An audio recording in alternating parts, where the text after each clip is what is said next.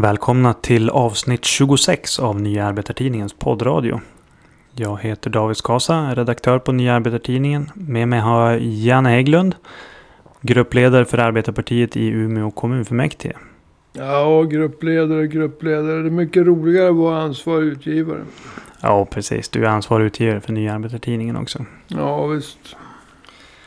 Ej att förglömma. Och eh, även eh, bloggare. Ja, och så var jag Knutte också i min ungdom. I två Precis. MC-gäng. Jag är en hemsk människa. Ja. Från Knutte till bloggare. Ja, visst. Det är Jan Hägglunds story. Japp. Nej, men varför jag tar upp om att du är eh, bloggare va? Det är ju för att du har eh, skrivit en hel del om eh, Miljöpartiet i Umeå på sistone. På din Ja, blogg. det har jag gjort. Och vad heter det nu? Det är ju en, en partiavdelning inom Miljöpartiet som har uppmärksammats nationellt också. Eh, på grund av att eh, ja, det är den enda partiavdelningen vad jag vet inom Miljöpartiet som har tvångsförvaltats av partistyrelsen. Eh, så att den, den har varit uppmärksammad på det viset. Men hur kommer det sig att du har bloggat just om Miljöpartiet nu på sistone? Ja, det finns ju flera skäl. Men islamisterna i Sverige. De har fått härja fritt. Väldigt fritt, väldigt länge. De har arbetat emot integration. De har arbetat för parallella samhällen med sharia-styre. I stort sett ostörda. Och jag anser att Miljöpartiet har varit dess främsta redskap. Om man tittar på de svenska riksdagspartierna. Och när man då har ett riktigt grovt exempel på Miljöpartiets medlöperi till islamisterna på hemmaplan. Då måste man ta upp det. Mm. Ja, och det ska vi gå in på. Men innan vi går in på det så tänkte jag att du ska få beskriva först alltså varför det har varit problem inom Miljöpartiet i Umeå. Men det var ju som sagt väldigt uppmärksammat att man helt enkelt rensade ut den gamla ledningen inom Miljöpartiet i Umeå och i Västerbotten. Och från partistyrelsen centralt i Stockholm insatte en helt ny ledning. Så om du kunde lite snabbt bara för lyssnarna berätta vad bottnar problemen i Miljöpartiet Umeå i? Ja, alltså. Miljöpartiet i Umeå ville som många andra partier göra snabba klipp. Genom att skaffa sig invandraralibin. Mm. Och eh, till skillnad från många andra då som fick börja i ungdomsförbundet. Eller facket och harva där. Eller i kvinnoförbundet. Så var det ganska vanligt. Det var som konkurrens om eh, invandrarna som kunde ta för sig. Mm. Och eh, i, så, i Umeå så hade vi en eh, invandrare som hette Amin. Vi kan hoppa över hans förnamn. De som bor i Umeå vet. De som inte bor i Umeå vet inte. Och det får vara så. Men den här Amin han börjar med sin eh, politiska karriär i Socialdemokraterna 1997. Mm. Och 98 så uppfattade han sig vara en så klart lysande stjärna att han skulle stå på valbar plats på riksdagslistan. Och jag menar, det finns ingen annan socialdemokrat någonsin som tror att man hamnar på valbar plats till riksdagen efter ett års medlemskap. Nej. Men det gjorde inte Amin. Alltså helt rätt. Han fick nej. Och då blev han inget glad. Så att han gick ut och kastade skit på Socialdemokraterna för att de inte var positiva till invandrare. Och då kom nästa parti som råkar vara Miljöpartiet. Och de tänkte nu kan vi göra ett snabbt klipp. Och eh, från att ha varit den bästa socialdemokraten vecka ett i en lokal presskonferens här i Umeå. Så sju dagar senare så hade denne Amin genom ett gudomligt ingripande blivit den bästa miljöpartisten. Åtminstone i sina egna ögon. Så då stod han med den, de miljö, lokala miljöpartisterna som bakgrund och berättade om hur bra han var för Miljöpartiet. Mm. Och nu är vi inne på år 1998. Sen började han samla uppdrag i Miljöpartiet. Han fick sitt första 99. Och redan år 2000, alltså tvåa, nolla, nolla, nolla. Så blev han invald i partistyrelsen. För Mm. hela Sveriges miljöparti. Mm. Men anhängare till denne Amin tog helt enkelt över Miljöpartiet. Med tveksamma metoder. I Umeå och i Västerbotten. Och det här gav upphov till en väldigt långvarig strid.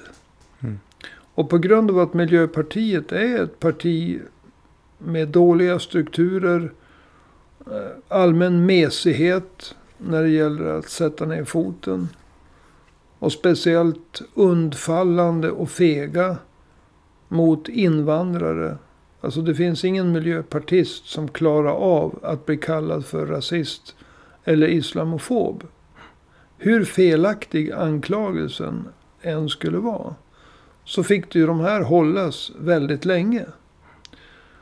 Och till slut så vart ju då reaktionen väldigt hård. Man rensade ut mycket folk. Och man eh, från partistyrelsen. Man kan kalla dem för partistyrelsen MP Sverige. Så införde man ett ståthållarsystem enligt gammalt romersk modell.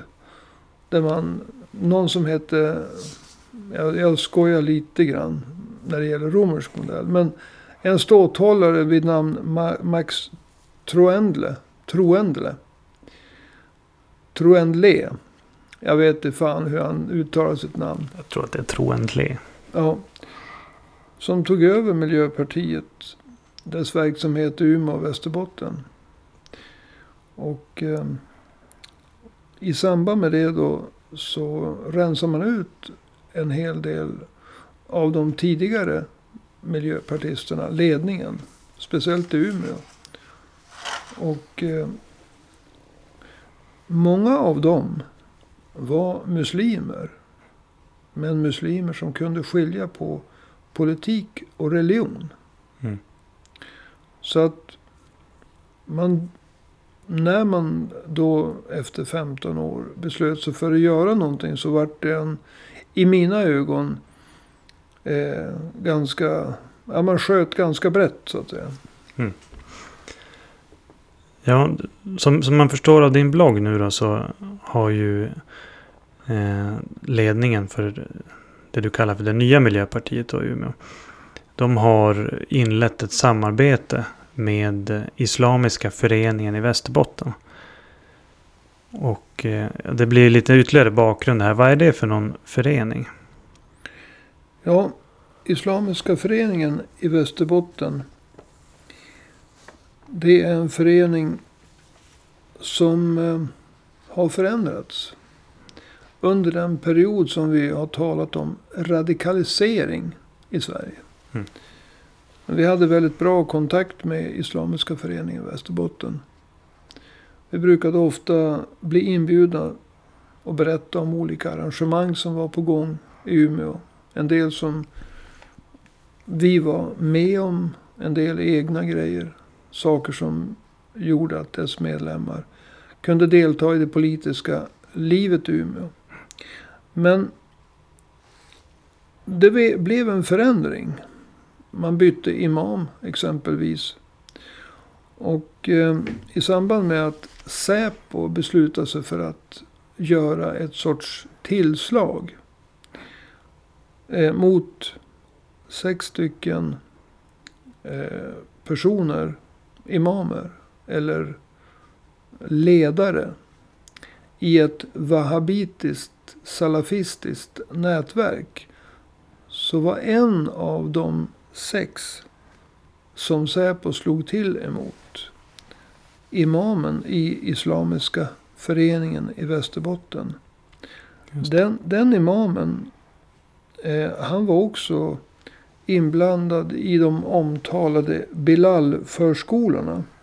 Det finns sådana på tre orter. Umeå, Söderhamn och eh, Gävle, va? Gävle ja. ja. Två stycken i Umeå. Han ingick i styrelsen i den ekonomiska föreningen. Som drev förskolorna både i Umeå, Gävle och Söderhamn. Han var kassör enligt vad jag har hört. Mm. Så att han var alltså djupt inne i det wahhabitiska, salafistiska nätverk som Säpo slog till emot. Och han var också en av dem som blev trefaldigat dömd till utvisning från Sverige som en säkerhetsrisk. Så att från att ha varit en liksom schysst islamisk förening så blev det ju en helt annan karaktär när en av de sex som blev gripna och utvisade hade den föreningen som bas. Mm. Vilket inte betyder att alla som gick på föreningens fredagsbön är medlemmar om de har ett medlemskap. Eller regelbundna bönedeltagare är av wahhabitisk, salafistisk eh, Nej. tro. Men precis. föreningen kommer ju att få ju den prägeln när imamen tillhör dem som ingår i det här nätverket. Jo. Det är en negativ prägel. Men om vi går tillbaka då till Miljöpartiet. Eh, hur kommer det sig att Miljöpartiet hade ett behov av att samarbeta med den här Islamiska föreningen i Västerbotten? Jag misstänker att det har att göra med det du nämnde. Att det var en lång rad muslimer som försvann ur ledningen. Ja, alltså när då efter 15 år den senfärdiga partistyrelsen i Miljöpartiet kom på att man skulle göra någonting här uppe i Umeå och Västerbotten. Då sköt man med hagelbössa. Det betyder att man skjuter åt alla håll samtidigt. Mm. Och eh, om man nu hade haft ett ont öga till Amin. Så betyder ju inte det att man kunde dra alla över en kam. Men man rensade ut en hel del av det gamla ledarskapet. Och många av dem man rensade ut. Som hade suttit i ledningen för Miljöpartiet i Umeå tidigare. Och även delvis i Västerbotten i övrigt. De var muslimer. Och jag vill betona muslimer som kunde skilja på religion och politik. Det här kom att framställa Miljöpartiet i Umeå som ett muslimfientligt parti. Och eftersom många av Miljöpartiets väljare i Umeå var muslimer så uppstod det en potentiell kris. Alltså Miljöpartiet hade kunnat åka ut ur kommunfullmäktige med buller och bång här i Umeå i valet 2018. Så att när man eh, gick igenom situationen så var man helt enkelt tvungen att ursäkta om det här låter lite, vad heter det, respektlöst. Men det är inte menat så. Man var- tvungen att skaffa sig nya muslimer som framträder. Det Mm. låter respektlöst. Det är inte menat så. Ja, men det är ju syn, det cyniska tänkandet kommer ju inte. Det är ju Miljöpartiet som tänker så. Det- det är men det är miljö- bara sanningen. Det är sanningen. Och ehm, därför så... Var, om frågan var varför man inledde ett samarbete med Islamiska föreningen i Västerbotten. Var det så frågan var? Precis. Ja. Så kom man fram till lämpliga representanter för de med muslimsk tro. Tillsammans med Islamiska föreningen i Västerbotten. Men vad bestod det här samarbetet i? eh, Rent konkret. Jag ha en hel del källor. Men jag tror inte att jag har ett uttömmande svar. Om man tar det mest konkreta exemplet då. Det mest, mest konkreta exemplet det är att det var en eh, kvinna som inte alls hade varit inblandad i eh, Miljöpartiet och dess politik så sent som i november 2017. Hon godkändes kan man säga av imamen. Eller eh, alltså om hon godkändes av Islamiska föreningen i Västerbotten så måste hon också ha godkänts av imamen. Mm. Alltså den av Säpo gripne och av tre instanser utvisade. Ja. Imamen och föreningen. Islamiska föreningen. Och för första gången i Islamiska föreningens historia så uppmanar man alla sina, om det kallas medlemmar eller regelbundna mötes bönedeltagare. Mm. Att kryssa Mariam Salem på valsedlarna. Och ska man kryssa Mariam Salem då måste man ju välja eh, Miljöpartiets valsedlar. Mm. Och Mariam Salem hon stod på kommunvalsedeln. Hon stod på landstingsvalsedeln. Det som nu heter region. Och hon stod på riksdagsvalsedeln. Mm. Så att samarbetet. Det kan ju ha bestått i olika saker. Men det som var mest akut för Miljöpartiet. Det var att få fram en ny representant för muslimerna. Just det. Och Mariam Salem var en absolut nödvändighet. En räddning för Miljöpartiet i Umeå. Efter det att de hade rensat ut de gamla, eller tidigare, det hade ingenting med ålder att göra. Mm. Muslimska representanter som hade varit aktiv i Miljöpartiet i Umeå. Just det. Men eh, om man ser det från den andra sidan. Vad hade Islamiska föreningen i Västerbotten ut av samarbetet med Miljöpartiet? Ja, Eller varför ville de samarbeta med just MP? Varför de ville samarbeta med just MP. Det kan man ju spekulera i. Själv så är jag ju övertygad om att det har att göra med hur lättköpta framgångar som islamister och deras medlöpare tidigare har haft i samröre med MP. Alltså det räcker ju med att nämna Mehmed Kaplan. Mm. Via Miljöpartiet så tog han sig ända in i regeringen. Trots att han hade kontakter med den fascistiska organisationen De grå vargarna i Turkiet. Mm. Och att han var islamist med beröringspunkter med Muslimska brödraskapet. Mm. Den mäktigaste av de islamistiska organisationerna. Och koppling direkt till Erdogan i Turkiet. Mm. Så eh, på grund av, eller ta Yasri Khan, han som vägrar ta kvinnor i hand. Men som MP ändå nominerade till sin partistyrelse. Alltså ett parti som har så liten motståndskraft mot islamister. Det måste ju vara en dröm att ha någonting med, alltså att samarbeta med. Om du själv tillhör ett wahhabitiskt nätverk som imamen i Islamiska föreningen i Västerbotten gjorde. Alltså Miljöpartiet, ett very soft parti när det kommer till ryggrad. Men vad tror du att Islamiska föreningen ville ha av MP? Ja, jag är övertygad om att Islamiska föreningen vill ha en rejäl moské. Mm. Och jag är övertygad om, men det här har jag inga bevis för. Men framtiden får väl visa att eh, Miljöpartiet kommer att vara pådrivande när Islamiska föreningen kräver att få en moské. Mm. Just det. Men om vi byter spår lite grann här. Eh, eller egentligen, jag skulle vilja gå tillbaka till det här du nämnde imamen han är en del av det wahhabitiska nätverket. Och om jag, om jag ska spela djävulens advokat. Va?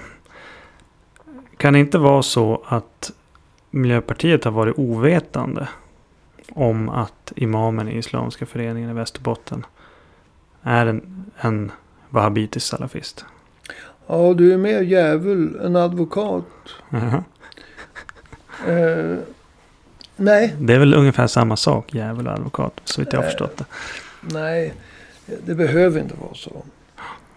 Det är bara ditt fall. Nåväl, tillbaka till ämnet. Ja visst. Eh, jag slirar där lite grann. Eh, nej men det är så här att.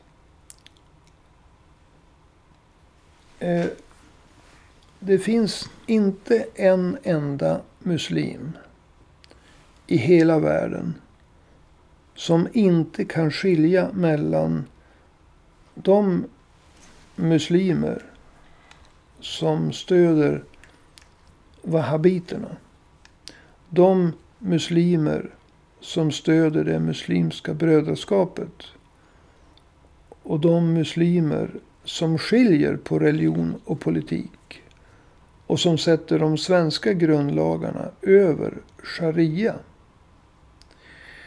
Så att, att eh, Miljöpartiet inte skulle förstå Alltså att Miljöpartiet, låt oss ta Mariam Salem, Mm. inte skulle kunna skilja på vad som är wahhabiter, Muslimska brödraskapet och muslimer som kan skilja på politik och religion.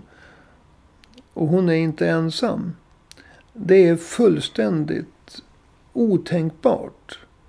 Alla muslimer i hela världen kan skilja på islamister och muslimer som är beredda att acceptera Sveriges grundlagar som överordnade. Alla muslimer, jag säger det igen, kan skilja på wahhabitiska salafister och det muslimska brödraskapet. Alltså vi kan skilja på stalinister och eh, vad ska vi säga kristna fundamentalister i USA. Mm. Alltså det, det, det, är inte svårt. Alltså, det är så uppenbart om du är anhängare till Muslimska brödraskapet eller wahhabiterna. Jo. Eller om du accepterar ett lands, som Sveriges grundlagar, före sharia.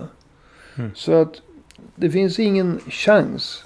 Det går inte att fria med någon brännvinsadvokatyr, Nej, Miljöpartiet. nej. Du ska ju spela djävulens advokat. Ja, precis, precis. Men eh, mot, alltså mot den bakgrunden så, så är ju det här är ju en skandal. Skulle du hålla med om det? Den beskrivningen eh, av det här. Ja. Det är en skandal. Eh, en stor skandal. Den här imamen. Alltså om. Och, och det är inte fråga om om. Utan eftersom Miljöpartiet i Umeå. Alltså den blivande nya Miljöpartiet i Umeå. Samarbetade med Islamiska föreningen i Västerbotten. Då samarbetar man också med den här imamen. Som blev gripen och trefaldigt utvisad. Den här imamen har som en del av det wahhabitiska nätverket bidragit till att värva folk till barbariska organisationer som Daesh eller IS. Värva folk till Al-Qaida, Nusra-fronten. Med flera eh, militanta jihadist terroristorganisationer. Och den här imamen har, som en del i det wahhabitiska nätverket i Sverige, på det sättet även bidragit till att öka antalet personer som utgör risker när det gäller nya terrordåd här i Sverige. Som det som genomfördes på Drottninggatan 2017 och som kostade fem människor livet som skadade 15 människor fysiskt och oändligt många fler mentalt. Så nog är det en skandal att Miljöpartiet samarbetar med en förening som har en sådan imam. Ja. Det är oförlåtligt. Men är det ingen annan som har reagerat på det här? Alltså andra partier, lokala media. Är det ingen som har reagerat på det här? Nej. Hur har de reagerat? Eller vad har de Ja, gjort istället? Ja, det är som vanligt när det gäller Miljöpartiet. Och det är tre saker.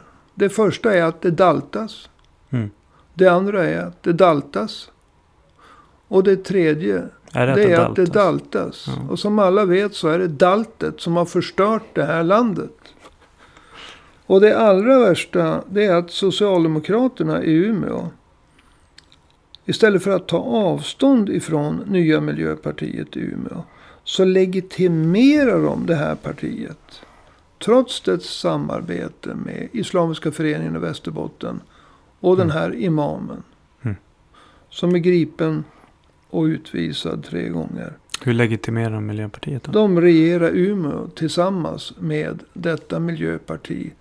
Som troligtvis skulle ha åkt ut ur kommunfullmäktige om de inte hade samarbetat med Islamiska föreningen och denne imam som är gripen och utvisad. Mm. Så genom sitt samarbete med Miljöpartiet så har Socialdemokraterna även gett en sorts prestige till den här föreningen. Ja. Och när vi har ansett att den här föreningen har tagit hit föreläsare som absolut inte ska ha tillgång till Umeå kommuns lokaler. Då har Socialdemokraterna i praktiken stött helt oacceptabla föreläsare. Jo, ja, VK, alltså lokaltidningen Västerbottens-Kuriren, de var ju på hans föreläsning. För, också agerade någon sorts försvarsadvokater. Absolut. Jag Och så- menar, han hade en, en föreläsning om blommor och bin och kärlek och grejer. Och så hade han en riktig föreläsning för, så att säga, de islamister som gillar hans budskap. Ja. Så alltså man kan göra sig dum. Va? Man kan vara dum. Och VKs rapportering, det är svårt att veta. Alltså Mm. om journalisten var dum eller bara gjorde sig dum. Men dumt var rapporteringen. Men hur kommer det sig, alltså vad har sossarna att få ut av... VK är ju inte det enda media i den här stan. nej, nej. Det finns många som uppträdde dumt. Vi måste, vi måste, sossarna här va. Jag vet att VK är ett kapitel för sig här va. Men alltså. Vad hade de att ha ut av att ha samröre med ett sånt här miljöpartiet? Ja, alltså det finns ett syndrom som kan vara dödligt politiskt. Och det kallas makten till varje pris. Om man tittar på Socialdemokraterna på riksplanet. Så har ju de inlett sin regeringsperiod efter fyra månaders kaos. Genom att styra Sverige på en budgetreservation från Moderaterna och Kristdemokraterna. Efter det att deras eget budgetalternativ blev nedröstat. Mm. Och sen fortsätter de med att styra Sverige. Tillsammans med Miljöpartiet, Centern och Liberalerna. Med januariavtalet. Och det är ju ingen socialdemokratisk politik i en budgetreservation som är gjord av Moderaterna och Kristdemokraterna. Nej. Och den socialdemokratiska politik som skymtar fram genom januariavtalet. Som går ut på att öppna för marknadshyror på nyproduktionen. Som går ut på att försämra turordningsreglerna, försvaga kollektivavtalens ställning. Mm. Och avskaffa skatten, värnskatten för de som tjänade 703 000 kronor om året. Mm. Ett förslag som inte moderater och kristdemokrater ville lägga. Men som Annie Lööf ville lägga. Och som Socialdemokraterna köpte. Det är det som kallas syndromet makten till varje pris. Och som kan vara politiskt dödligt. Och med tanke Mm. på att Socialdemokraterna har tappat över fyra av tio väljare. 42 procent av sina väljare. Sedan 1994 så verkar det vara en, dödligt, en dödlig sjukdom. Ett virus. Mm. Men du, i allt det här. Då, Och, och det är samma sak lokalt. men i allt det här så är det en, en, en fråga som ställer sig. Alltså, Hade det varit Ska du samma... vara djävulens advokat? Nej, jag ska inte vara djävulens advokat. Men det, det är ju en uppenbar fråga som ställer sig. Jag tycker hornen växer fram. Jo, de har alltid funnits där. Men det är ju det här, alltså, hade det varit samma tystnad. Låt säga att något lokalt parti hade haft samröre på ett liknande nära sätt med till exempel Nordiska motståndsrörelsen. Alltså hade det varit samma tystnad kring en sån sak? Ja, Låt oss säga att det kommer fram att någon moderat i sin ungdom hade haft sympatier för Nordiska motståndsrörelsen. Så skulle det ha blivit en fruktansvärd uppståndelse. Och det skulle ha varit skott, alltså inte bokstavligt utan bildligt. Skottpengar på Moderaterna. De skulle ha doppats i kära rullats i fjädrar. Och lokala media och alla andra partier. De skulle ha jagat Moderaterna. Men när det gäller Miljöpartiet så är det fortfarande tre saker som gäller. Dalt, dalt, dalt. Då börjar vi närma oss slutet för den här podden. Tiden går fort när man har roligt. Ja, just när jag börjar komma igång. Ja, precis. Men du ska få några ytterligare ord att eh, avsluta det hela med om, om du har något att tillägga. Ja, jag har någonting att tillägga. Och det är att det som är tragiskt för oss i Arbetarpartiet. Det är ju att man skulle kunna tro att de partier som står oss någorlunda nära i fördelningsfrågor. Socialdemokraterna och Vänsterpartiet. De har visat sig vara totalt odugliga när det gäller frågan om hedersförtrycket. Mm. Och när det gäller att bekämpa islamister. Islamister som sätter sharia högre än svenska grundlagar. Som arbetar emot att muslimer ska integreras i det svenska samhället. Som vill ha parallella samhällen där muslimerna har sina egna skolor, förskolor, affärer. Att man ska ha sitt eget språk. Alltså separata tider för män och kvinnor på badhus. Att man helt enkelt ska ha två samhällen, två lagsystem inom samma stat. Och att vänsterpartister och socialdemokrater inte fattar att det här är allvar. Det gör att vi måste gå i strid med dem. Och jag tror inte att alla socialdemokrater, låt oss ta den vanliga väljaren, har fel på den här frågan. Men tittar man på det socialdemokratiska och vänsterpartistiska etablissemangen så har de kört i diket. Mm. Och det är bara, alltså arbetare, väljare, är inte dumma. Och hade det inte varit för den totala kollapsen när det gäller Socialdemokraterna och Vänsterpartiets politik på de här områdena så skulle inte Jimmy Åkesson leda Sveriges största parti idag. Åtminstone bland LO-medlemmar. Men du, då får jag tacka så mycket för idag då. Jan Hägglund, gruppledare för Arbetarpartiet i Umeå kommunfullmäktige. Men framförallt då ansvarig utgivare för Nya Arbetartidningen. Ja, och- och så var det Knutte också. Ja, och bloggare. Ja, born to be wild kan man säga. Precis. Alright, men eh, innan vi avslutar så vill jag eh, säga som jag brukar. Alltså, tycker du att det här är en bra podd så ska du ge oss pengar. på att säga.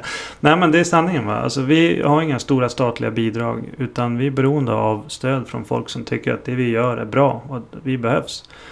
Så att jag tycker att du ska kasta dig över mobiltelefonen och swisha oss ett bidrag. Swishnumret är 123 504 7105. Alltså 123 504 7105. 05 Och det är ju som vi brukar säga va. Det finns inget bidrag som är för stort. Så det är bara att swisha på. Och eh, jag som säger det här heter David Skasa. Och vi hörs igen nästa vecka. Tack och hej!